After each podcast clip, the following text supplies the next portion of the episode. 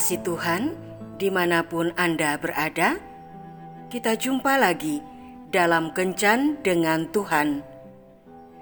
Edisi Senin, 13 Maret 2023. Dalam Kencan kita kali ini,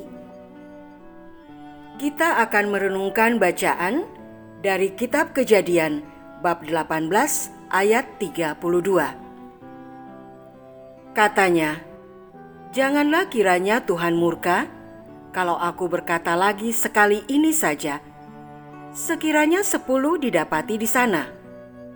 Firmannya, "Aku tidak akan memusnahkannya karena yang sepuluh itu." Sahabat kencan dengan Tuhan yang terkasih. Semakin hari keadaan Dayan semakin memburuk saja ia menjalani operasi otak dan di perutnya masih harus dipasang selang agar dapat bertahan hidup. Ketua tim dokter yang menanganinya mengatakan tidak ada harapan bagi Dayan. Dayan tidak mungkin sembuh karena lapisan luar otaknya telah hancur total diserang oleh virus ganas.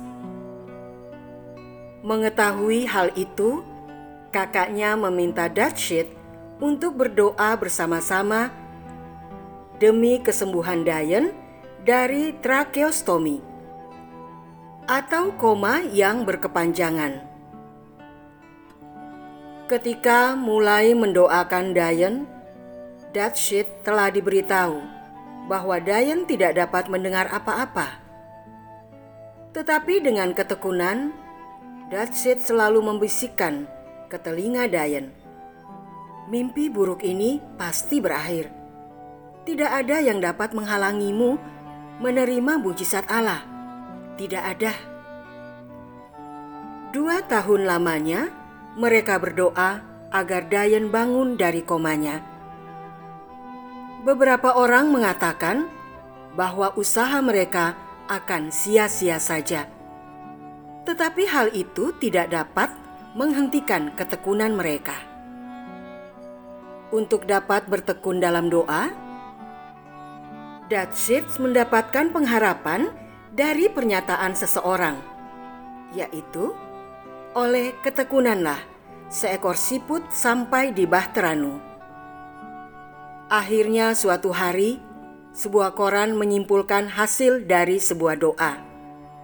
Seorang wanita bangun hidup dan sehat setelah dua tahun mengalami koma. Ketekunan kakak Dayan dan Dutchits dalam berdoa telah membuat Tuhan membentuk otak yang baru bagi Dayan. Ada pengharapan dan kuasa yang besar di dalam doa. Ketika Abraham diberitahu bahwa Tuhan akan menghukum Sodom dan Gomora, ia teringat pada Lot, keponakannya. Walaupun Abraham tidak mengenal penduduk Sodom dan Gomora, tetapi belas kasihan telah mendorongnya untuk memanjatkan doa. Enam kali Abraham bertanya jawab dengan Tuhan agar Tuhan membatalkan hukuman itu. Dalam ketekunan, Abraham mengharapkan kemurahan Tuhan. Doa yang dipanjatkan Abraham telah menggugah hati Tuhan untuk menyelamatkan Lot sekeluarga. Akhirnya, Tuhan mengutus dua orang malaikatnya untuk menyelamatkan Lot dan keluarganya. Doa dapat mengubah kematian menjadi kehidupan. Doa dapat mengubah hukuman Tuhan menjadi keselamatan. Seperti kemurahan Tuhan yang mengampuni Niniwe. Doa membutuhkan keberanian dan ketekunan, sehingga kuasa dan kemurahan Tuhan dinyatakan dalam hidup kita. Doa bukanlah sekedar doa biasa, tetapi doa dari hati yang peduli akan kebutuhan orang lain doa yang dapat mengubah situasi yang buruk menjadi baik. Anak, suami, istri, orang tua, atau anggota keluarga kita membutuhkan ketekunan kita untuk berdoa. Untuk alasan itu, tetaplah berdoa. Hadirkan kuasa Tuhan dalam keluarga melalui doa-doa kita. Tuhan Yesus memberkati. Marilah berdoa. Tuhan Yesus, aku meminta kepadamu. Tambahkanlah ketekunanku untuk berdoa bagi keselamatan keluarga dan sahabat-sahabatku.